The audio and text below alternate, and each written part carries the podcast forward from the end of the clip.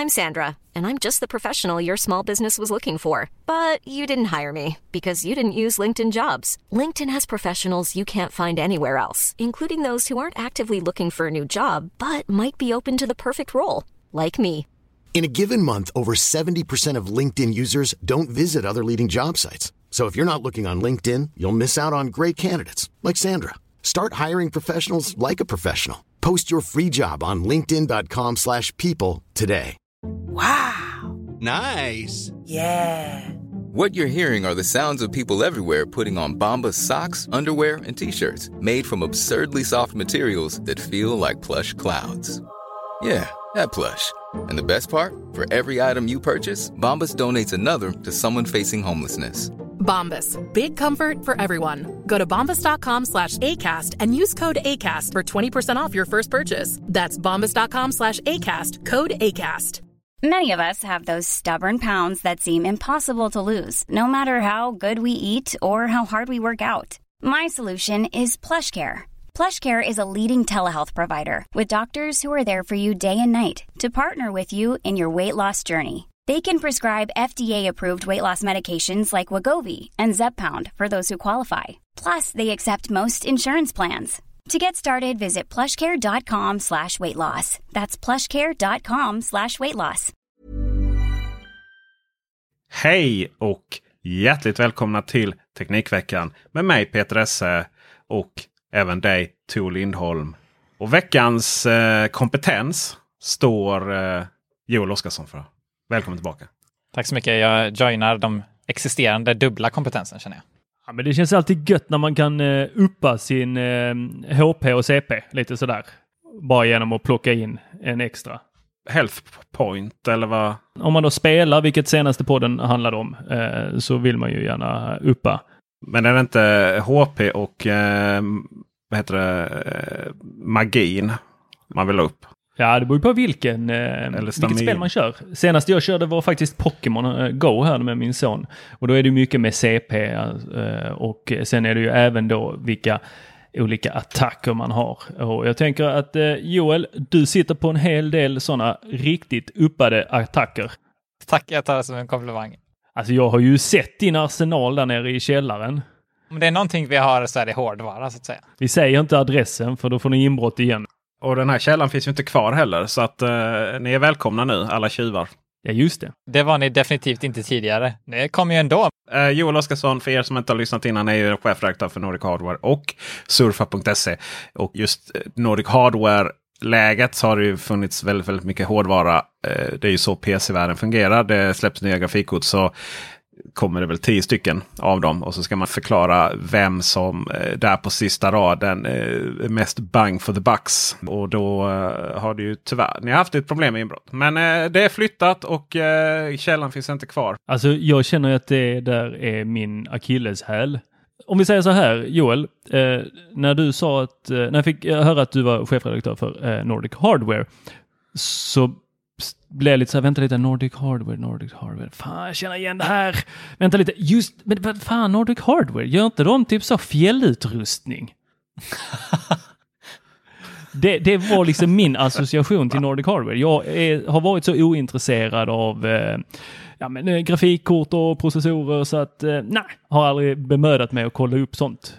Du har ändå kollat upp det på den nivån att du trodde att det var fritidsutrustning. Men det här med vi Apple-användare. Vi har ju den här processen att nu har släppt Apple en ny iMac efter två år. Och så har den liksom ett AMD Radeon grafikkort i sig som är så här superduper Pro, eh, extra Excel och sånt. Och så tänker man jävlar nu, nu händer det grejer. Nu kommer jag kunna spela de här gamla eh, dåligt portade spelen. Och sen går man in och jämför eh, man eh, olika sådana här siffror då, alltså benchmark på olika grafikkort. Och, och eh, då så eh, kanske man kommer sen på Nordic Hardware då, och så ser man liksom att men det här fetaste om det är Radeon grafikkortet som är fetast för macken som jag gått och väntat på. Det är ju något jädra midrange-kort i liksom PC-världen som knappt folk har hört talas om. Ja, så är det. Så är det faktiskt. Och eh, vi ska prata eh, mycket och länge om detta. Innan så där så vill jag bara etablera att det testas inte riktigt på samma sätt. Där. Berätta lite snabbt eh, vad ni exakt gör på nordichardware.se.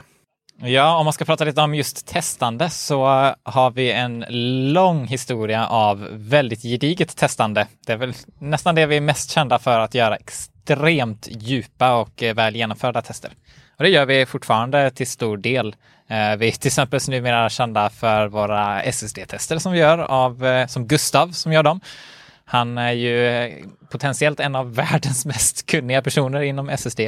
Det här är ett exempel. Det är ju också en kompetens. Exakt, så där till exempel så gjorde vi ett test av eh, Samsungs nya 980 Pro här som lanserades den här veckan. Bortom det så har vi gjort jättemånga tester i alla möjliga produktkategorier inom eh, på PC-marknaden. CPU, grafikkort, eh, chassin, eh, speltillbehör, möss, tangentbord och så vidare. Och eh, där så har vi tidigare haft eh, målsättningar om att göra hela produktguider, alltså där vi försöker testa typ allting som finns inom ett produktområde för att kunna ge enkla rekommendationer sen till konsumenter. Det vi har insett med åren är att resurserna inte riktigt finns till för att ha riktigt så höga ambitioner på just testandet på PC-marknaden, åtminstone inte med de resurserna vi har. Så i nuläget så testar vi främst eh, produkter som är eh, aktuella, så det är liksom nyhetsorienterat testande.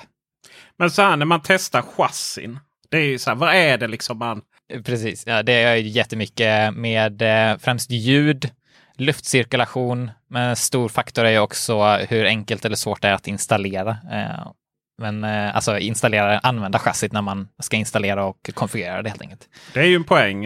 Jag har extremt mycket R på mina händer. ja. Förr i tiden så jag vet en byggde då för 20 år sedan. Så de var ju så fruktansvärt vassa kanterna och man skulle ha in sladdar som inte av denna värld just bakom. Det var ju precis som att man liksom inte tänkte att det här skulle monteras. Att man tar liksom, ja, men har gjort ett chassi men vi tar inte ansvar för att saker och ting ska in i det. Medan nu när jag byggde en, eh, en dator här till min son så var det ju väldigt gentilt. Och eh, mycket kablar var redan dragna. och det fanns en tanke på att, uh, att faktiskt man ska se igenom de här chassina. Och det är mycket så nu. Det är RGB-belysning och det är, alla har fönster in och sånt där. Alltså jag, förstår, jag förstår fönsterna, men varför RGB? Ja, det är en utmärkt fråga. Men jag tänkte säga att eh, typ Mac Pro är ju ett eh, utmärkt exempel på hur man kan skapa en design för en stationär dator som är så användarvänlig som möjligt när det gäller uppgraderingar. Eh, och PC-branschen har ju tagit sig i den riktningen också till stor del, precis som du säger Peter att förr så var det inte särskilt enkelt att eh, bygga en dator, men det är ju det nu för tiden. Och samtidigt så har ju PC-marknaden fortfarande en sån eh, bredd i vilka komponenter som får plats och kompatibiliteten är ju så mycket större. Så att eh, det gör ju också att det blir klurigare att göra det än vad det är att göra på en Mac Pro. Men precis som du säger så har ju det förändrats ganska mycket genom åren. Det är väldigt mycket enklare att bygga en dator nu än vad det var förr. Två saker där tycker jag är väldigt intressant. Mac Pro är ju så enkel att uppgradera förutom om man vill tänka lite själv. Till exempel om man vill stoppa in en eh, eh SATA SSD i den. Går ju inte. Nej, och det är, väl, det är väl den här eh, kompatibiliteten som man har på PC-sidan helt enkelt.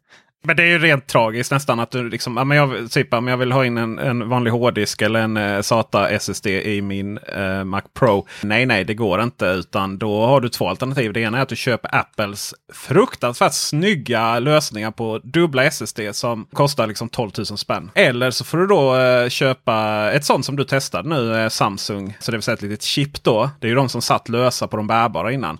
Och sen köpa ett, liksom gå på webbhallen eller någonting och köpa ett, ett löst eh, eh, SATA till M2-kort eh, som ju bara känns som en billig PC-produkt. Stoppa in i, i PC Express-porten på Mac Pro.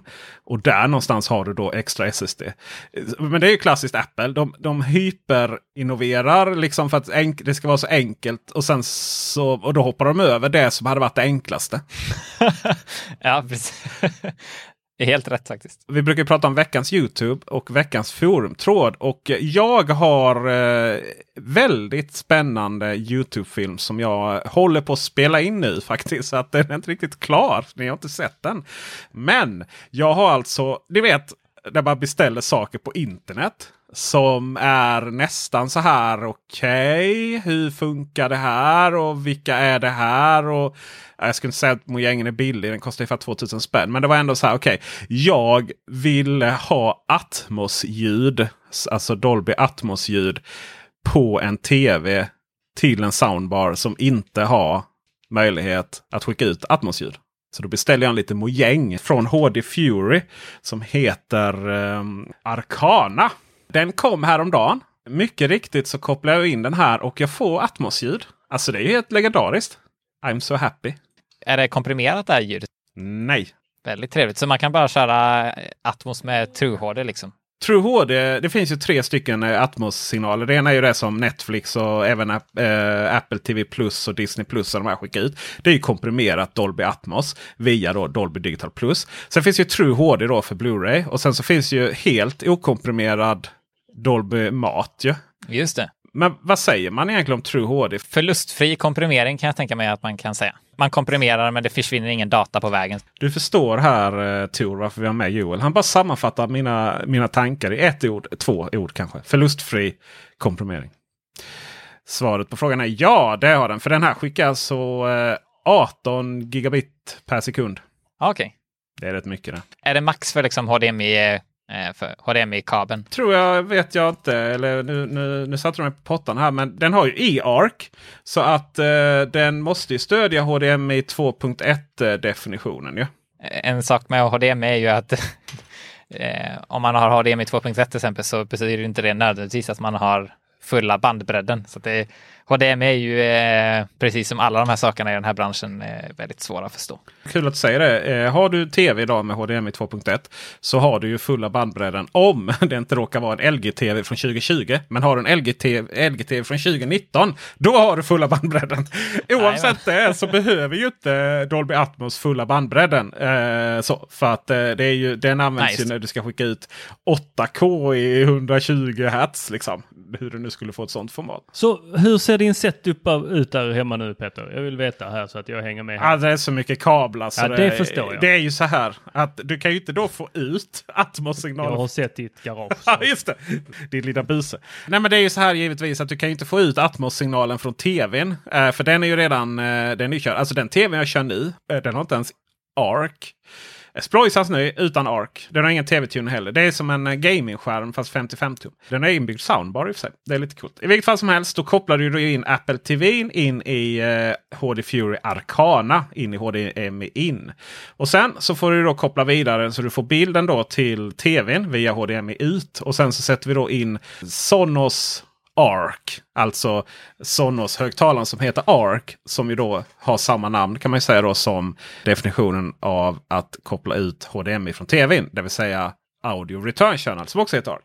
Den kopplar man in då i den här HD Fury 4K Arcana i dess andra HDMI-utgång. Så det är som en splitter liksom. Det du har köpt dig här nu det är en hyfsat billig men digital inte förstärkare men du vet en receiver sån som vi hade förr. För innan skickade vi vidare det där ljudet utan att gå in i tvn. Exakt så ja. Det är en liten liten receiver som delar upp ljud och bild och skickar den vidare. Men det som är coolt är ju att eh, det är väldigt få tv idag som har den här bandbredden. Det är väldigt få tv som har HDMI 2.1.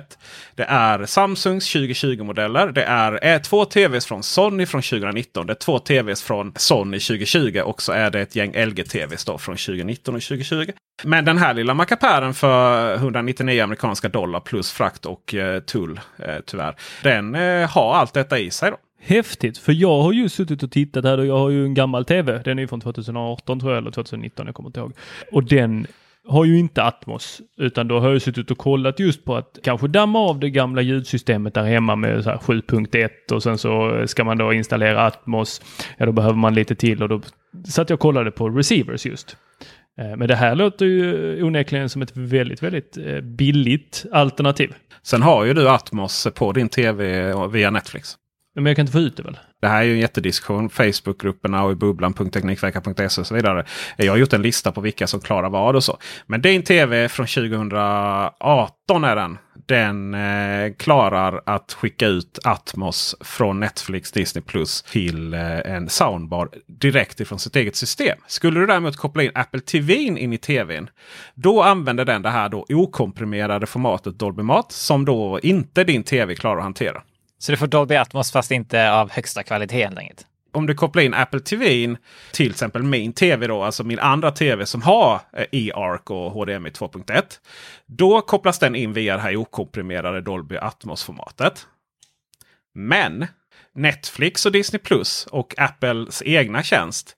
De strömmar ju fortfarande bara det här, eh, det här komprimerade formatet från nätet. Det är ju som att informationen kommer in på en grusväg och sen så eh, har du en motorväg och sen så ska den in i tvn igen som också är en grusväg. Så du har liksom som en anknytande motorväg mellan två grusvägar. De vill inte lägga 10 megabit av din eh, internetbandbredd på bara ljud. Det är väl en rimlig avvägning kanske. Det är väl en rimlig avvägning och det är väl inte så konstigt. Men frågan man måste ställa sig är varför Apple TV använder som typ den enda produkten på planeten det här okomprimerade jättehögupplösta formatet. Och varför den inte backar ner till eh, Dolby Digital Plus annars. Det är jättetokigt. Tor, din fantastiska Samsung The Frame. Den ska för övrigt upp på väggen. Annars så kommer vi ha en intervention. Och till den kan du då koppla en Sonos Arc eller någon annan soundbar med Atmos. Och du kommer då få Atmos eh, när du tittar på Planet Earth från Netflix. Nice. Men då måste jag skaffa mig en soundbar med eh, Atmos. Ja, om du vill Atmos får du göra det. Sen så finns det ju då till exempel Samsung har ju en fin soundbar som heter Q90 jag ska säga 85 och Q95 är väl samma soundbar. bara att 95 man har bakhögtalare också. Den har ju dubbla eh, HDMI-utgångar. Det hade man ju kunnat ge Sonos en liten känga för att de inte gjorde också. Så att eh, jag menar där kan du, eh, ingångar, förlåt, HDMI-ingångar. Köper du den så kan du ju eh, koppla in eh, Apple TV till exempel direkt på soundbaren och få Atmos där genom alla format. Eller Blu-ray då, va? till exempel True HD från Blu-ray. Sen måste man också fråga lite så här, eh, antal människor som kommer höra skillnaden på en soundbar som ju liksom skjuter upp ljudet i taket och sen studsar ner istället för att ha takhögtalare mellan eh, Dolby Digital Plus och True HD. Joel Oscarsson. Det beror på hur bra den här soundbaren är, fast eh, i de flesta fallen så tänker jag att man inte har en soundbar som är tillräckligt bra. Alltså, jag tänker att det är exakt samma antal som lägger märke till att Spotify envisas med att dra ner sin bitrate till 128 så det låter för jävligt varje gång de uppdaterar sin app. Jag har haft ett trauma när det kommer till eh, lågkomprimerad musik här nu. Men eh, för jag vill nämligen gå vidare till eh, veckans forumtråd. Som är just nu i bubblan.teknikveckan.se så diskuteras det att Facebook har fått dark mode. Har ni dark mode på era Facebook-klienter? Och varför är det så viktigt? Jag har det inte på min Facebook-klient. Nej, det har jag icke. Inte jag heller. Jag kör Android. Tor? Nej, och jag har inte riktigt fastnat för dark mode. Vi hade ju en annan tråd som, som var så här. Eh, den började som kan vi inte bara sluta rapportera eh, när appar får dark mode. ja. Och så gjorde folk en hostile takeover på den. Så att nu heter den före detta tråden. Eh, jag måste hitta den här alltså i, i en show. Vi ska se dark mode. Jag fick upp eh, notis här på min eh, bank, Handelsbanken. Där bara nu kommer dark mode. Va, va, va, varför? varför ska jag se mina pengar i mörk? Alltså, nej. Jag skiter i. Dark mode är ju eh, när du inte har några pengar. Det är svarta pengar. Bara svarta pengar. Tråden som först var en protest mot dark mode-nyheter. Men som nu är officiella dark mode-tråden. Heter då den här inlägget. Eller en av de mer kommenterade trådarna skulle jag gissa i den där bubblan. Facebook har fått mycket kritik för eh, sin obdaning. Jag gillar ju den faktiskt. Eh, den är lite kaos, eh, men den är lite fin. Joel Oscarsson, Dark Mode. Är det bu eller bä eller bäver? Jag gillar Dark Mode när det finns eh, möjlighet att schemalägga. Jag tycker det är rätt nice ah. att ha på ah. kvällar och på morgonen. Dagen så vet jag inte riktigt varför ska vi ha det och då gillar jag det faktiskt inte ens.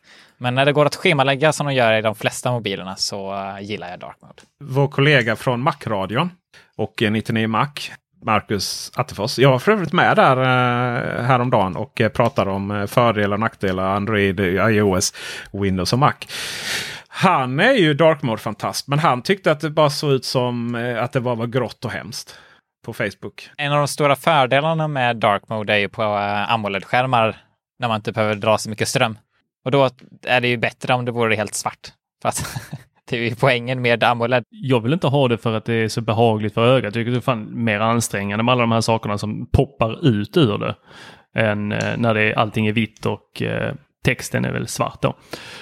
Eh, för det blir egentligen bara att det är inverterat och då lyser alla de här andra sakerna. Och kör vi grått så får vi inte effekten som du är inne på här, att eh, vi sparar batteri, utan då får vi egentligen bara att allting är mörkt och då skulle vi väl lika gärna kunna få bestämma alla färgerna själv. För så fall skulle jag varken valt vitt eller svart, utan kanske någon eh, härlig blåton eller varför inte lite eh, orange på morgonen. Ja, kanske. Jag vill också flika in dock att Teknikverkan.se Teknikveckan.se kör vi ju det här det är inte helt lätt eh, att liksom anpassa sig till dark mode. Den är ju svart som natten. Men då genererade vi alltså mörka pixlar. Så att AMOLED-skärmen eh, fick ju då jobba för att generera mörka pixlar. Och Det var ju lite dumt. Men sen ställer vi om då så att det blev då true black. Alltså det vill säga att den släcker dem helt och hållet. Och jag är inget jättefan av eh, telefoner som där skärmen går runt på sidan. Det är ju tyvärr ett mode nu att det är premium att ha det. Men just Teknikveckan.se blir ju extremt coolt med det. Det blir en helt annan del av telefonen på, på ett helt annat sätt när sajten är knallsvart förutom innehållet. Och så går den liksom ner på kanterna det här svarta. och ah, det, det är nice. Har ni inte kollat på vår sajt så bör ni göra det. Det är väl klart att folk kollar vår sajt. Det eh, hade varit helt konstigt annars, hoppas jag. Finns väl ingen annan sajt att eh, titta på? Ja, Joel har ju två. Ja, just det. En med friluftsutrustning. Exakt. På tal om det, hur har, eh, hur har er teknikvecka varit? Om vi börjar med Joel som är gäst här. Min teknikvecka började som sagt med eh, 980 Pro, Samsung SSDn som jag har liggande här precis bredvid mig faktiskt. Kanske lite för att jag ofta blir smittad av folk som är entusiastiska kring grejer så tycker jag det är ballt med coola nya SSD trots att det kanske låter tråkigt för andra. Men det har ju seriöst varit en av de största nyheterna den här veckan på i, i eh, teknikvärlden. Annars så eh, testar jag smartphones som alltid. Testar lite nya budgettelefoner från diverse kinesiska mobiltillverkare och eh, det händer lite grejer i eh, mellanklasssegmentet nu för tiden alltså. Det, det tycker jag är roligt. Fick du tag på Realme eller? Jajamän, jag har publicerat det första testet av dem och håller på, eh, startade idag med andra testet. Det är ju dina kompisar som eh, har dem Tor. Vilka? Gandalf är det Ja, ja, ja. som är distributörerna och importörerna av dem i Sverige. Ja, det är roligt att ha eh, nya varumärken, även om deras produkter är suspekt lika andra tillverkares. som det så ofta kan vara. Bara namnet är ju så här Realme. Vi har Redmi eh, från Xiaomi. Vi testade ju någon dammsugare för något liknande tillverkare som också var så bara, men ni, ni har ju knappt bemödat er att göra någonting extra här för att det ska skilja sig. Men samtidigt, varför uppfinna nytt när det redan är någon annan som har gjort det arbetet? Precis. Men du, eh, snabbt här nu. eh, Det här är ju väldigt intressant. SSD, om du ska liksom vurma för en SSD här nu eh, jämfört med resten av pöbel-SSD. då. Vad är det som gör att den här Samsung, vad var vi uppe i? Samsung 9, 980 eller vad sa du? 980 Pro var det som lanserades nu. Pro. Pro. Vad är det som är så jävla pro med denna då? Tidigare har det varit att Samsung faktiskt har använt helt andra kretsar än vad man använt i sina konsument-SSD som gör att de är snabbare och faktiskt mer pålitliga än andra. Nu för första gången så har man gått över till samma typ av transistorer som man har använt i konsumentdelen. Däremot så är det en helt ny generation av kontroller. Eh, kontroller är alltså en liten processor, typ en hel dator som sitter på själva SSDn och som eh, kommunicerar med minneskretsarna. Och den är en sån enorm uppgradering att eh, alla konkurrenter ser löjliga ut i jämförelse nu för tiden. Eh, och det snackar ju om eh, hastigheter på massa olika sätt. Alltså eh, filöverföringar men även andra typer av arbets eh, saker du gör med en SSD, alltså när det är läsa små filer snabbt och sådana saker. Eh, det inkluderar allting från vardagsarbete, i kontorsarbete till eh, spel och workstation prestanda och sådana saker som förbättras. Hur mycket pengar sparar då ett bolag i hastighet här om de införskaffar detta 1 terabyte 2690 kronor. Och då måste du dessutom köpa nya datorer för att du har ju inga datorer som har PC eh, Express 4.0. Nej, just det. Det är ett problem och eh, vi har det. ett problem som vi tyvärr dessvärre har, en tekniskt problem som vi har på Nordic Hardware är att vi har en testrigg som är baserad på PCI 4.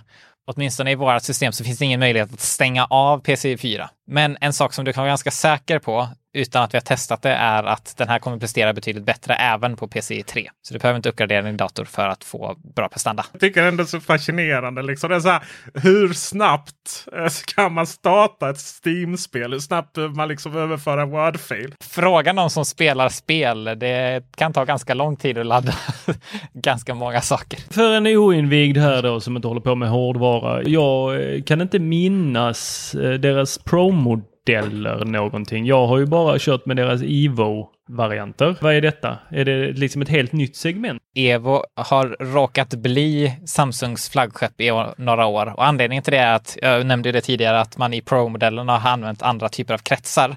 Och de kretsarna har blivit eh, oförskämt dyra de senaste åren.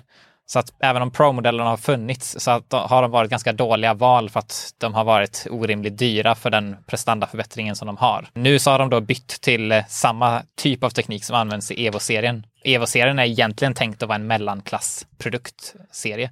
Nu är den här nya Pro-serien betydligt mer prisvärd och eh, med andra ord ett väldigt mycket bättre val.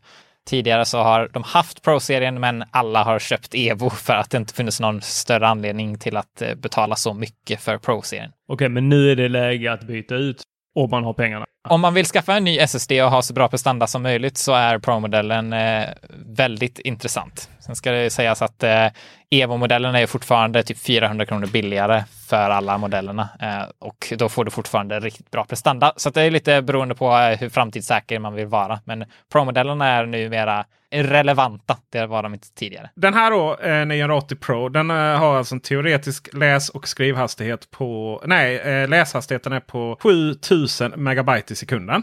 Mm. Skrivhastighet på 5000 megabyte i sekunden. Vad kom du upp i själv? På lässidan kom vi upp i 5 gigabyte och på skrivsidan på 4,5 gigabyte i våra tester. Så det är inte i närheten av eh, de påstådda, men det är de absolut bästa tidigare har legat och puttrat ner på 3 gigabyte. Eh, så att det är, rent procentuellt är det en väldigt stor förändring. Ska vi någonstans sätta en eh, jämförelsetal här så kan vi konstatera att Thunderbolt 3 Alltså det vill säga det som är den snabbaste externa kopplingen då som alla Apple-användare känner till och kämpar för. Det är eh, ha en max, max, teoretisk maxhastighet, jag kan inte prata rent här, på eh, 5000 megabyte sekund, alltså 5 gigabyte sekunden.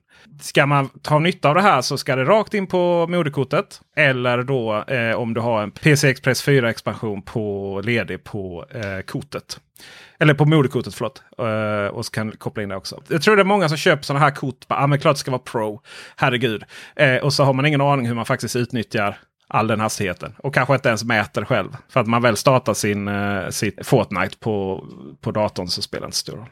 Skillnaderna i mycket vardaglig användning är ju förhållandevis liten när vi kommer upp på de här nivåerna. Så är det helt klart.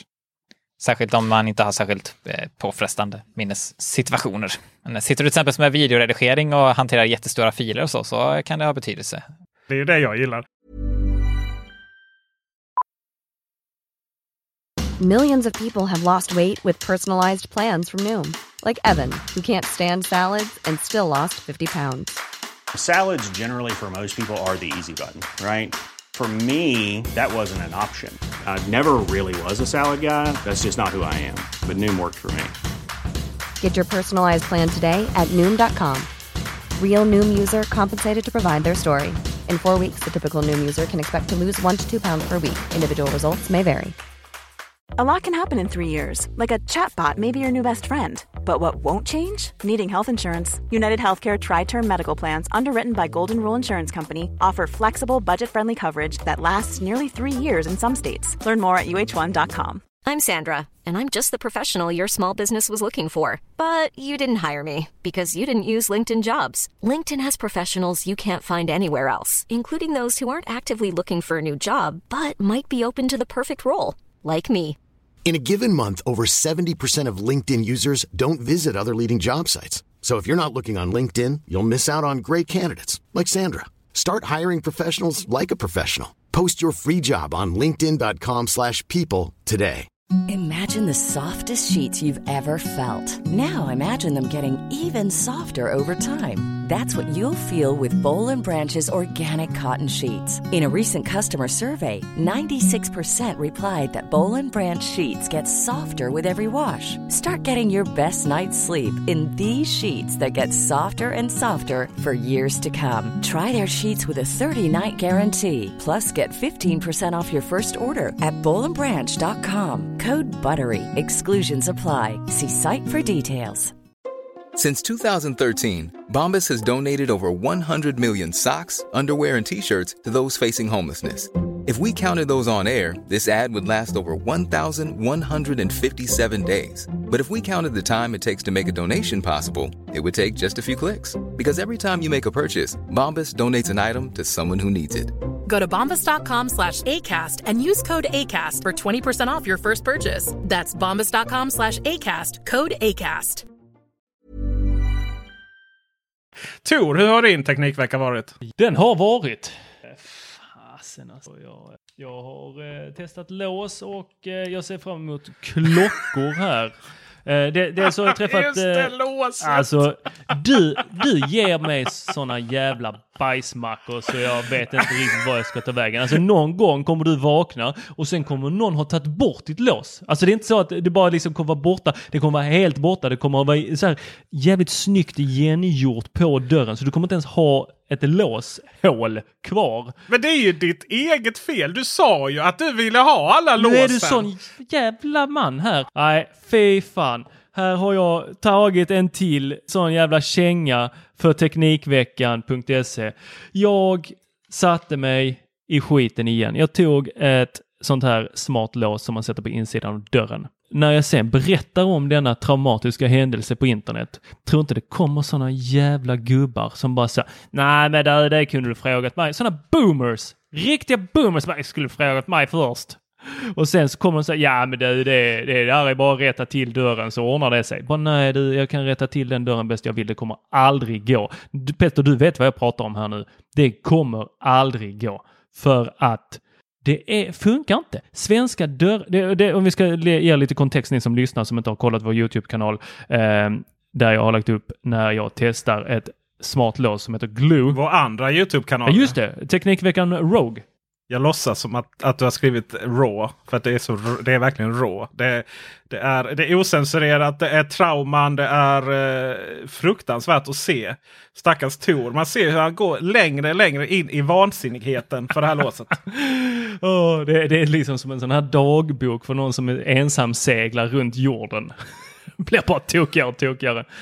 Eh, fast jag har faktiskt rakat mig mer och mer. Så det är liksom bak, spelar vi baklänges så blir det verkligen en sån ensam segling. Förklara varför det är så svårt. Varför det är liksom lås efter lås går bet. Jag har ju testat då Lockitron eh, när de kom, eh, lanserades som ett Kickstarter eller Indiegogo eller jag minns inte var de började sin eh, bana. Nu har ju de gått i konken om jag förstått det rätt. Men jag har deras första Kickstarter-lås. det funkade åt helvete. Jag testade deras andra eh, som sen då blev ett riktigt som de sålde på sin hemsida och sen har jag även testat eh, det danska Friday som också är ett eh, sånt här lås som man sätter på insidan över vredet och sen roterar den då med en motor vredet åt den efter eh, att man önskar det då i sin app. Eh, så att oftast så kopplar de upp via Bluetooth och många av de här har ju då även en Wifi-modul som man sätter in i väggen och så, så via den Wifi-modulen så kan man eh, då styra låset på distans. För att då koppla den upp på internet. Och nu testade jag ytterligare ett sånt här. Och då var det Glue. Och Glue har ju gjort sig stora i Sverige med att ha samarbeten tillsammans med Bring, eh, vad är det mer, Mathem, där man då delar ut eh, virtuella nycklar till eh, folk som jobbar på de här företagen. Så kan de gå in och sätta varorna, dels i kylen eller precis innanför dörren. Och de här då som går in, de ska även ha någon kamera på bröstet så att det ska kännas tryggt och man ska då få upp i appen då att man kan följa när de går in och sätter in matvarorna i kylen. Så att de inte snor någonting annat. Det har ju varit lite kontroverser runt det ska jag också säga. För när man väl har begärt ut film och så, så har det inte funnits någon. Vissa enskilda exempel. Jag vet inte hur det har varit generellt. Nej, de här eh, Glo skickar ju ett jättefint, eh, jättestor kartong med massa då, mat från Mathem eh, tillsammans med det. Och eh, det får man ge dem. Låset var väldigt lätt att installera jämfört med då Friday och eh, Lockitron. Det gick extremt snabbt. Nu har jag ju lite vana efter att ha monterat sådana här lås, jag vet inte, alltså i, i leda. Alltså jag är så trött på att montera sådana lås. Och jag sätter på det på dörren och det går inte. Den låser inte. Ni som har sett eh, filmen, eh, har fått kommentarer om folk som inte har slutat, kunnat, kunnat sluta skratta för att den säger ju då att nu har jag låst dörren och eller, dörren är inte låst. Och sen så låser den upp den och den låser inte upp den. Det är liksom ett nu, nu, nu, är det ju... Ganska grundläggande ja, för ett lås. Det är ju just det vi vill ha den till. Att kunna låsa och låsa upp. Och det, den klarar inte det. Den klarar inte det. För att min dörr är precis som större delen av Sveriges dörrar som är byggda någon gång innan 2000-talet när man fick sådana här liksom, fina dörrar som satt perfekt i dörrkarmen och eh, ja men ni vet sådana som har fått utstå lite väder och vind. De här som man alltid får liksom trycka in lite när man ska låsa nyckeln och så. Det är ju så klassiskt. Eller dra handtaget och sånt. Ja, och du vet, ni vet man får ge dem en liten, liten lätt knuff liksom. Inte hårt, men man drar lite till lite så här med handtaget eller med höften beroende på om man är på in eller utsidan av dörren. Och den klarar ju givetvis inte det här. Jag har inte fått någon respons från Glo själva. Eh, men vi lottar ut det här eh, låset på Youtube-kanalen till någon eh, som har en bättre dörr än vad jag har. För det ska ju tilläggas att Marcus, som bor i någon sån nyproduktion eh, där uppe i eh, förorten till Stockholm. Han har ju en sån där dörr som glider lätt upp och ner. Ja, kul för dig. Eh, han är ju nöjd med sitt lås. Så det är inte så att det bara är skit. Men jag kan inte ge det ett bra betyg för att jag kommer inte ut ur dörren. Och det kommer inte in i din lägenhet också om det går snett? Don't mention the war. Erfarenhetsmässigt så går jag inte ut utanför dörren och sen testar låset. det hände med Friday. Stod jag på utsidan bara, nej, det går inte. Jag, får, alltså jag är utelåst nu. Det har ju hänt en incident också eh, när eh, ditt, eh, var det Locketron, det helt enkelt malde ner den här pinnen där i mitten. Så eh, eh, sen gick det inte att öppna. Med ugnen i, eh, vi satt och festade på din innergård och så ugnen i mat i ugnen och så. Du kom inte in. Nej, det var pa lite panik där ja.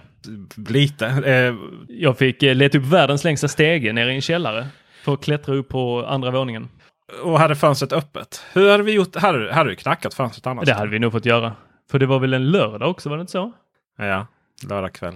Det var rätt mycket alkohol inblandat också. Och det var nog inte läge att ringa någon låsmed där. Det finns bara foto på uh, stegen.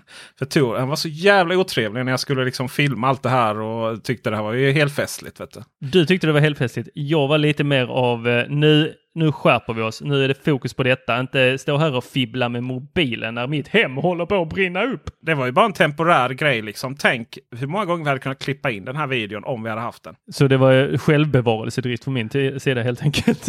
du tänker så. Det är ju väldigt intressant med de här låsen som eh, sätts ovanpå eller eh, hybrider men som inte byter hela kistan. Alltså det är ju nog problem med eh, mitt J-lås då som liksom är hela låset. Eh, om det Eh, ibland. Man måste verkligen se till så dörren är rätt. Det är som konflikt här hemma. Jag och Leon har lärt oss liksom hur man ska låsa för att det alltid ska gå. Man ska trycka in och så ska man göra lite så. Alltså det, det är verkligen så att dörren hamnar rätt när den sista millimetern. Eller millimeter, alltså det är sista. Vad är under millimeter? Mikrometer? Nej, vad är det? Ja, någonstans väldigt litet i alla fall. Min eh, fru klarar inte det och så typ har hon slutat låsa. Sådär. Det, det sjuka är att om man, man trycker på knappen från utsidan. Då låser det sig alltid. Men på insidan då med vredet. Eh, det är inte ett vred egentligen utan det är ju en, är ju, skickar ju en digital signal. Då är den mer känslig. Jag vet faktiskt inte varför. Men vi fick in här eh, faktiskt Marcus igen då från eh, Macradio 99 Max som, som fick skicka till sig från Yale. Då. De ska ju eh, släppa Yale Linus, heter det det Ja. Som är ett liknande då. Att det ska vara lättare och du behöver inte montera bort hela låskistan. Och, så. och då fick eh, vad som gäller för att det ska fungera. Och då säger jag här. You can use a key on the inside and outside at the same time. Har vi några sådana lås överhuvudtaget? Jag har haft ett sånt lås hemma. Titta, det var innan du bytte till en israelisk dörr va? Ja. som man ju gör. You don't have a thumb, thumb turn. Ja, det var, det var det jag hade. Ja, som sagt, men jag låste med nyckel på insidan. The thickness of your key is less than 6 millimeter. The key pro... Äh, jag kan inte säga det. Protrudes. Protrudes. P-R-O-T-R-U-D-E-S. Protrudes säger jag. Less than 40 millimeter from the cylinder. Ha, har vi många sådana dörrar i nästa fråga? Kontentan är ju att eh, det är lite tokigt. De här eh, låsen som, som inte ersätter allt. Det kanske inte är. Alltså det, det kommer nya sådana lås hela tiden men i slutändan är de inte så driftsäkra. Och det här får ju aldrig, det här får ju aldrig inte fungera. För då slutar det ju med att man har en stege upp på andra våningen. Ja, och jag, jag är ju, jag är ju lite... Fan, alltså. Det här borde... Släpper Yale då ett lås som heter Linus så tänker jag att det borde vara deras absoluta flaggskeppslås. För det är ju Linus Yale. Det är ju han, alltså som de har tagit namnet från. Det här borde vara det absolut Jaha. bästa, men nej. Det här är liksom deras minsta och inte sämsta skulle jag kanske inte säga, men nej. Ni kunde frågat mig först, det där kommer aldrig gå. nu kanske ni undrar hur min teknikvecka har varit? Ja, hur är din Jag är oerhört intresserad Peter. Jag har provat eh, Huawei Sound X. En fantastisk högtalare. Deras sån flaggskeppshögtalare som de lanserar i Kina med sin egna eh, röstassistent. Wifi-uppkoppling. Till och med Wifi eh, 5 GHz. Eh, alltså den har allt. Den har riktigt härlig bas. Det är baselement som sitter på utsidan. Precis som de här franska eh, Dövjale. Fick jag rätt där? Dövjale. Ja, ungefär så. Den är riktigt, riktigt nice. Och så lanserar man den på svenska marknaden. Tror ni vi har någon röstassistent? Inte på eh, svenska gissar jag. Hur tror ni man liksom levererar all data till den här fantastiska Oh, låt mig gissa. enheten? 3,5 millimeter. Nej, Det finns ingen 3,5 mm. Ja, men alltså, den har wifi, den har allt. Alltså, hur, hur tror ni man levererar grejer till? Bluetooth borde den ha, rimligtvis. Den har eh, Bluetooth bara komprimerat. Åh, fy vad sorgligt. 3500 kronors högtalare som låter strålande. Och någon som kommer in på den där grusvägen igen. Hur vet du att den låter strålande? Så? Man kan ju höra liksom potentialen i, när man lyssnar på musik så någonstans så finns det ju olika toner som är mer eller mindre komprimerade. Och, och, och, och, och du vet, den lyfter ju verkligen fram allting den får. Det är bara man liksom, om man lyssnar på en låt tillräckligt mycket då vet man ju vissa passager som ska vara där. Och det, och det är liksom bara bortkomprimerat så. Alltså det blir betydligt plattare. Uh, alltså jag är så fascinerad över det. Och Sen då så kommer den då få en uppdatering så att det faktiskt går att skicka ljud över wifi till den i december. Va- Varför lanserar man en högtalare innan? Är det för man inte har några mobiler liksom? Och... Hur länge har den funnits i Kina då? Har du talat om den rätt länge sedan faktiskt? Den har funnits där ett tag. Ja. Okej, men vad är det liksom när det väl kommer wifi-uppkoppling? Kommer den då liksom ha stöd för AirPlay 2 och, och eh, komma in i Google Home? Alltså typ om det är någon Chromecast-högtalare. Eller hur, hur kommer man kunna skicka? Kommer den ha Spotify Connect? Alltså det är lite oklart. Den säger att eh, den kommer stödja då, eh, det här protokollet UNP. UPnP, Universal Plug and Play tror jag det står för. Ja, och det säger ju inte så mycket. Vad det, det är ju bara ett lager av på olika sätt. UPnP är ju bara ett sätt att eh, typ eh, skicka trafik till viss enhet, så det har ju ingenting med ljud att göra. Det finns ju andra termer, multicast och DNLA och så vidare. Alltså det finns ju massvis med olika lager som samverkar för att någonstans eh, hittas i nätverket och sen så ska det då kunna skickas ljud. Men det finns ingenstans hur den här på något sätt kommer ta emot. Det är sånt hån mot den här produkten för den är ju extremt trevlig ändå. Soff. Alltså den är en fantastisk Bluetooth-högtalare. Men frågan är om man någonsin har en svintung stor högtalare eh, med sig på picknicken som kräver ström. Den har inte något batteri i sig ens. Nej, nej, nej. nej. Nej, det låter som att ingen borde köpa den här nästan. Så är det ju. Du Joel Oscarsson. Du är här för att eh, du, ska, du ska stå till svars för hela PC-industrin nu. Okej. Eller svara för hur de ska göra snarare.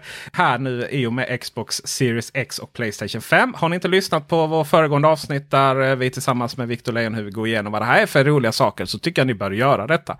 Eh, för nu ska vi faktiskt prata om att eh, Xbox Series X och Playstation 5 släpps här nu i november. Och eh, då har man en eh, AMD-arkitektur, arkitektur, förlåt, både grafikkort och processorer eh, som är ganska så kraftfulla. De har väl inte riktigt presenterats inom PC-världen ännu va? Eller när skulle AMD ha sitt event? Det har de inte bekräftat, men det lär komma här nu under kommande månaden, typ.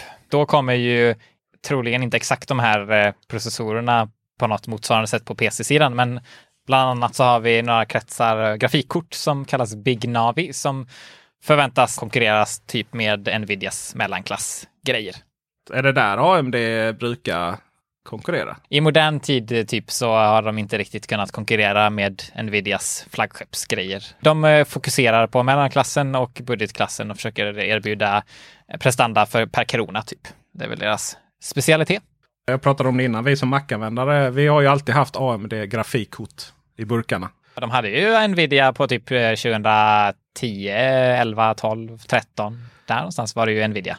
Eller hur? Det var ju lite debacle där. De hade ju en eh, i bärbara.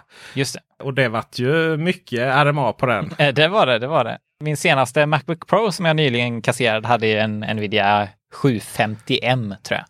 Just det. Och det ska också sägas att man tog bort i eh, MacOS för inte så länge sedan så tog man faktiskt bort alla spår av någon som helst eh, stöd för eh, Nvidia-grafikkort. Mm. Så att eh, det är no more. Och det, det kan man ju vara lite intresserad av. Men kan förklara för mig. Det här man, man säger, det, det verkar finnas något krig mellan konsolspelare och, och datorspelare. Och konsolspelarna tycker att det är trams att lägga så mycket pengar på datorer. Varför köpa en dator, PC för 20 000 när du kan köpa en Playstation 5 för 5 000 och få samma prestanda. Och sen finns det något som, eh, och så är det massa memes om det här. Vad är det här PC Master Race för någonting? Det är svårt att ha en beskrivning som täcker allas åsikter givetvis, men eh, generellt sett så handlar det väl om eh, inställningen tror jag hos eh, PC-spelare om att man inte är tillräckligt seriös om man har en konsol för att då behöver man inte eh, mecka så mycket med den eh, konsolen och det är inte så svårt. Därför så har man inte genomlidit den här processen som krävs för att få den här kvaliteten av spel som man får via på en på en PC. Och sen om man ska vara lite mer teknisk så är det ju helt enkelt så att det går alltid att få bättre prestanda på en PC. Så kommer det alltid att vara. Och så kommer det vara nu med de här kommande generationerna också. Tor saknar du PC-racet? Nej, inte det minsta. Känner du dig oseriös? Ja. Ja, du gör det? Att du inte, att du inte bygger din egen dator? Alltså jag har byggt min egen dator en gång. Det räckte. Åh, nej, jag, jag är ju, eh, jag är ju ganska, eh, ganska nöjd med konsollivet och eh, Apple-livet. Även om det stundtals kittlar i fingrarna och den där snåltarmen drar igång att jag kan bygga min egen lilla Hackintosh. Men jag har inte upplevt att idag är det så, att det, det är liksom så stora eh, skillnader så att jag vill ta den tiden och lägga på att bygga. Jag förstår att man gör det. Hade jag haft tiden och hade det varit mitt in primära intresse då hade jag tusan i det velat bygga en dator. Men eh, nej, inte idag. Kan man bygga Hackintosh-datorer nu med de M2-chippen och sånt? Det går alldeles utmärkt. Det går att bygga väldigt moderna prylar med, eh, med Mac. Som du säger så är det ju AMD-grafik som gäller generellt. Men eh, det går alldeles utmärkt att göra både på Intel och på AMD-CPUer. Åh, det är så alltså? Kolla där, så hörde du hur det bara, liksom bara man hörde ljudet från hans tarm där hela vägen över internetet. Joel, hur känner du att ha ett gemensamt projekt du och jag på kontoret? Jaha. Alltså mysa lite så här, du vet att eh, sätta ett litet chassi där och sen så börjar vi bygga och så helt plötsligt så, så kanske vi har en Mac som, som inte är en Apple. Det låter alldeles utmärkt. Så länge du besöker Nordic Hardwares YouTube-kanal med den så. Ah, vi har ett eh, joint venture här. Jag är ju så extremt ambivalent. Jag saknar ju den här Mac Pro som är Intel i7 eller i9 baserad. Som inte är helt eh, onödig så att säga. Min tes som jag hävdade då i Macro, jag tog det från ingenstans- ingenstans. I och för sig. Det var liksom att det hade gått att bygga en Mac med high-end konsumentprocessorer och grafikkort. Och ändå nå liksom så här eh, 80-90% av prestandan som jag själv hade kunnat få ut av en Mac Pro. Jag vill ha en maskin som en, en videoredigeringsrigg med mycket internt minne och ett grafikkort som levererar och, som, och rendera ut snabbt grejerna. Och då är min tes att jag hade kunnat bygga ihop det här för typ 20 000 utan problem. Och, och hade man i ett blindtest matchat den mot en Mac Pro så hade renderingstiden i DaVinci kanske bara handlat om sekunder i skillnad på mina 10 minuters YouTube-filmer. Alltså grejen med Mac Pro då till exempel är ju att den har ju funktionalitet som du aldrig kommer att använda. Du betalar ju till exempel för ett moderkort som har stöd för en och en halv terabyte ram. Och det är ju kretsar som finns i den där datorn oberoende på om du använder en och en halv terabyte ram eller inte. Och det kommer inte göra någon skillnad för ditt DaVinci-projekt, men du betalar ju fortfarande för det. Det är väl bara ett av många exempel. Det största produktionsbortfallet jag har haft i DaVinci det är ju att innan jag hittade autospara-knappen. kan krascha nämligen vid export. Så jag har gjort om typ tre filmer fyra gånger. Ja, fy. Då kommer vi lite in på vad som liksom man ska använda i, den här, i en sån här dator. Och den här komponenterna. Och då är det ganska enkelt. Det ska vara SSD såklart. Det ska vara eh, både då att man har ditt eh, 980 Pro där givetvis som systemdisk. Kan man inte säga. Man kan inte säga disk. Systemchip. Och sen så har man lite kanske så här serialata SSDs för lagring då. Alltså mellanlagring innan det går till arkivet. Det här är lite spännande för det måste ju då vara en. Vi måste ha ett AMD-grafikkort. Men eh, vi måste ha en Intel-processor. AMD gör ju både processorer och grafikkort. Medan då den stora eh, konkurrenten då på grafikkort är ju Nvidia och på processorn då är det ju Intel. Det är lite intressant då att man har valt eh, en del från AMD eh, men inte den andra. Eh, det är ju första intressanta iakttagelsen. Då måste det alltså vara en Intel-processor och ett AMD-grafikkort. Vad är AMD kontra Intel på eh, processorarkitekturen? För att eh, Intel har ju precis eh, lanserat elfte generationens processorer och vi har ju knappt fått in tionde generationen på våra, våra mackar. Liksom. Mm, mm. Och eh, när jag byggde en PC så tror jag jag valde nionde generationen. Det kändes som att det spelar ingen roll när sonen spelar Fortnite. Först och främst kan jag säga att det går att göra Hackintosh-datorer med AMD CPUer. Eh, Eh, så du kan ha både AMD CPU och grafikkort i en Hackintosh om du vill. Eh, det är väl första poängen. Sen när det gäller Intel eh, och deras generationer så är det ju extremt förvirrande.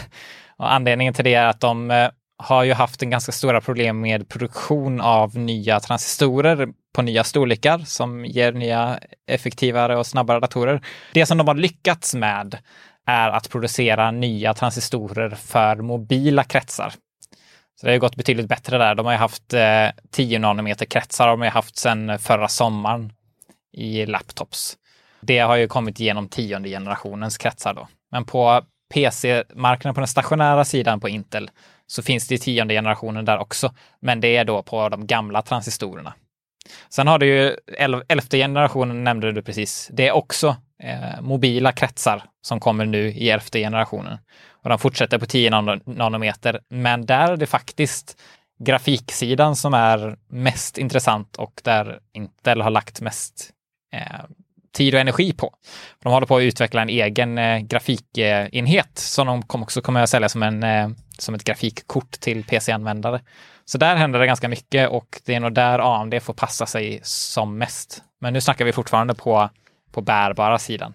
På stationära sidan så går det fortfarande långsamt för Intel och där har ju AMD den stora fördelen av att de har en betydligt bättre transistor, alltså betydligt mindre, mer effektiv transistor och eh, de har mycket fler kärnor. Så att i vissa arbetsflöden, alltså särskilt produktivitetsarbetsflöden, eh, så har ju AMD ganska stort försprång.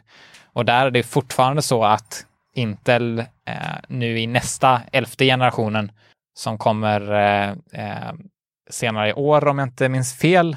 Den kommer eh, fortfarande att vara baserad på 14 nanometer teknik, men kommer då med en ny arkitektur som förhoppningsvis åtminstone ger bättre prestanda. Även om eh, den stationära sidan kommer att stanna kvar ganska ännu mm, längre till på de här gamla transistorerna. Så för att sammanfatta här. Eh, oavsett om man ska bygga en videoredigeringsrigg eller och eller då. Det kan ju, man kan använda dem på samma sätt. Då, eh, oavsett PC eller Mac. Eh, vilk, vad ska jag satsa på? AMD eller Intel? Och vilken av dess generationers processorer? För att få, vad ska man säga, mest bang för pengarna. Om man vill ha ultimat PC eh, gaming-prestanda så har Intel fortfarande ett litet, litet försprång. Det är inte stort, men de eh, kan anses vara bättre på just gaming. På de flesta andra applikationer så har AMD ett stort försprång för att de erbjuder relativt låga priser och man får relativt många kärnor, vilket är bra för många produktivitetsgrejer. Så det beror lite på vad man vill ha, men AMD är väldigt bra val för ganska stor bredd av applikationer medan Intel är, har fortfarande ett litet försprång just på gaming. Då har vi valt processor då. AMD där, alltså vilken serie och vilken, vad heter de och så. Så att vi har lite koll. Jag gör lite anteckning här. Där har du Ryzen, heter ju produktfamiljen. Och där har du Ryzen 5, Ryzen 7, Ryzen 9 som är de mest eh, relevanta. Sen har du ju lite billigare eh, AMD-kretsar också, bland annat sådana här med, som inkluderar grafikkretsar också, eh, som är någorlunda kompetenta, som man kan se i så här, typ förbyggda datorer. I och med att jag är mellanbarn där också tänker jag så en eh, Ryzen 7 då. Sure, absolut. Det fungerar alldeles utmärkt. Men lönar det sig att vänta lite till då till eventuella nya lanseringar? För att eh, det är väl, en, eh, det är väl lite samma sak där. Att det är en liten äldre generation på desktop och nyare generationen på PC, äh, laptop. AMD kommer att uppdatera sina processorer väldigt snart. Så det finns en definitivt anledning till att vänta. AMD Ryzen 7, men vänta. Men vänta, jag har antecknat. Då har vi löst den ja. ja. Och sen får vi då kolla på grafikkort. Då behöver vi för stunden eh, eh, låtsas här att, att, eh, att vi inte ska bygga en Hackintosh utan vi ska då välja ett grafikkort. Och här har ju Nvidia haft en jättelansering av produkter som det känns som att förra året när de lanserade grafikkort, alltså 20-serien. Så eh, dels så skulle det förändra allt och det skulle vara magisk ray tracing Och eh, dels så fick man inte testa dem och skriva om eh, sina resultat. Var inte det lite tokigt? Nvidia har en historia av eh, lite underliga relationer med pressen kan man väl sammanfatta det som deras marknadsföring är lite konstig. Eh, det har varit lite samma sak med eh, 3090 som har av någon underlig anledning marknadsförts som ett 8K grafikkort för spel när det eh, inte fungerar för 8K i praktiken och ingen som ska spela spel borde köpa det grafikkortet. Så att, ja, det är lite konstigt. För det var väl lite så att ökningen där, alltså att det, det jämfört då med 1080-serien så var det inte så hejdundrande utan att det var om man liksom vill ha raytracing och sånt. Nej, det var ju en eh, besvikelse får man väl säga av en generation och eh, det har de ju tagit ikapp nu. 3080 är rätt nice alltså. 3080 är, eh, är helt otrolig faktiskt. Det är en generation som vi knappt har sett en liknande uppgradering någonsin faktiskt. Det är i modern tid i alla fall. Det steget upp från förra generationen är enormt. Eh, och det finns ju en anledning till att de eh, verkar sälja rätt bra nu också. Vad kostar ett sånt? För vi pratade ju i eh, förra podden att de här spelkonsolerna kostar så mindre än vad ett grafikkort kostar. Så vad kostar då 3080? Det beror lite på exakt vilken modell man köper, men typ 8000 kronor kan du få ett rätt bra 3080 för. Ett 2080 Ti kostar ju abnormt mycket pengar. Oh ja, den eh, kunde man ju lätt betala 14 000 för. Eh, och det här grafikkortet är ju bättre. Så att eh, det har hänt ganska mycket här över en generation, så får man säga. Sen är ju 8 000 kronor som sagt betydligt mer än vad de här nya spelkonsolerna kommer kosta till exempel. Vad ger de här lite dyrare grafikkorten i prestanda? Och vad, vad är det man jämför? Liksom? Emot spelkonsolerna tänker du? Ja men exakt, alltså är det högre upplösning, är det högre framerate? Vad är det, vad är det vi vinner på att köpa ett grafikkort för 8000 kronor eh, som på pappret har enormt högre prestanda mot då konsolerna? Det är svårt att säga exakt hur, hur det kommer bli eftersom vi inte vet hur spelkonsolerna är. Men rimligtvis kommer vi kunna ha högre bildkvalitet, alltså bättre raytracing och eh, bättre texturer och liknande med minst lika höga bildfrekvenser, troligen högre. För att med 3080 så kan du i absolut alla spel i princip eh, gå över till 4K 60. Och det är någonting som de nya generationerna av spelkonsoler gärna eh, säger att de kommer kunna leverera, men som är eh, eh, ganska osannolikt att de absolut mest krävande kommer att kunna prestera så bra. Så att eh, det är väl bildkvalitet och eh, bildfrekvens då. Men vad gör om jag då skulle bygga en dator som jag ska ha för lite spelande då och sen som sen också liksom, jag vill kunna räkna hem det här i produktion. Är det samma tes där? Alltså att ju större nummer på grafikkortet och ju dyrare de är, ju bättre går det att rendera i mina, min videoredigering? Ja, generellt så är det så får man säga. Sen har ju Nvidia haft eh, extra serier såsom TI och Super som ofta har haft eh, fördelen att de har mer eh, videominne och videominne är väldigt betydelsefullt just för produktivitet. Eh, och där har faktiskt AMD också haft en fördel i att de har haft snabbare just minne, videominne. På sina, till exempel på, i Mac Pro, de grafikkorten som finns där, så finns det eh, ett minnestyp som heter HBM-minnen som är betydligt snabbare. Så att eh, minnesmängden i eh, grafikkorten har också stor betydelse och där kommer vi troligen att se ännu fler kort i 3000-serien här framöver som eh, kommer i versioner med mer minne som då eh, fungerar bättre för produktivitet. Men i allmänhet kan man säga att fungerar det bättre för gaming så kommer det också fungera bättre för produktivitet. Och vad är AMDs take då, då om vi ska bygga en, eh, om vi faktiskt vill bota upp eh, MacOS på vår lilla Hackintosh? På grafikkortssidan så har de eh, 5700 XT till exempel, som är deras flaggskepp, som eh, snarare är en mellanklassprodukt som har eh, typ konkurrerat med 2060 på Nvidia-sidan. Så det är väl eh, främst det man bör kika på. Och sen som sagt så har de eh, nya grafikkort på gång här under hösten som förhoppningsvis kommer vara en vara betydande uppgraderingar. Så att ska man skaffa grafikkort från AMD så är det dags att fundera på om man kan vänta en liten stund till. Det är mycket vänta där alltså. Ja, det är mycket som kommer hända här under hösten. Varför är det alltid AMD i konsolerna och inte Intel? För att Intel inte har varit duktiga på grafik. Och det behöver man vara för att finna sin spelkonsol helt enkelt. Intel håller ju på att eh, bli betydligt bättre på grafik som kommer som sagt lansera sina egna grafikkretsar framöver. Så det är möjligt att Intel kan vara relevanta framöver. Men eh, historiskt sett så har de inte varit duktiga på grafik. Det har AMD varit. Så i konsolerna så är det ett chip där man både kombinerar processorer och grafik. Medan det är splittat på PC-världen. Ja, och det därför det inte fungerar med Nvidia heller, för de har ju inga PC-processorer. Så att eh, det fungerar inte riktigt eh, helt enkelt. När vi har full koll på detta, Tor, är du mer sugen på att bygga en PC nu eller håller du dig till konsolerna? I senaste podden så eh, gick jag och funderade efteråt. Eh, vill jag ha en eh, konsol eller inte? Och jag kom ju fram till att jag behöver mig en PS5. Jag kommer inte behöva någon monster för att redigera film. Så nej, nej, jag låter det vara till er så får ni ha ett sånt litet gemensamt kärleksbarn där på kontoret. Jag har också hamnat i att Playstation 5 är min konsol. Eh, mest för att jag spelar Horizon Zero Dawn. Och sen så kommer jag faktiskt bygga en PC. Jag kommer, jag kommer nog välja eh, arkitektur baserat på att det faktiskt kommer köra Windows och framförallt DaVinci och sen så ett och annat spel. Eh, jag är framförallt sugen på att koppla in den joystick och eh, throttle som jag lånade av just er från Nordic Hardware för att spela Microsoft Flight Simulator till Star Wars Galaxies. Heter det inte alls utan Star Wars Squadrons på den här datorn. Vi lär väl få återkomma under sektionen Teknikveckan som varit om hur det går med det här bygget framöver. Jag tackar dig Joel Oskarsson för att du var med. Det var ett stort nöje. When you need mealtime inspiration, it's worth shopping Kroger, where you'll find over 30,000 mouthwatering choices that excite your inner foodie. And no matter what tasty choice you make, you'll enjoy our everyday low prices, plus extra ways to save, like digital coupons worth over $600 each week. You can also save up to $1 off per gallon at the pump with fuel points. More savings and more inspiring flavors make shopping Kroger worth it every time. Kroger, fresh for everyone. Fuel restrictions apply.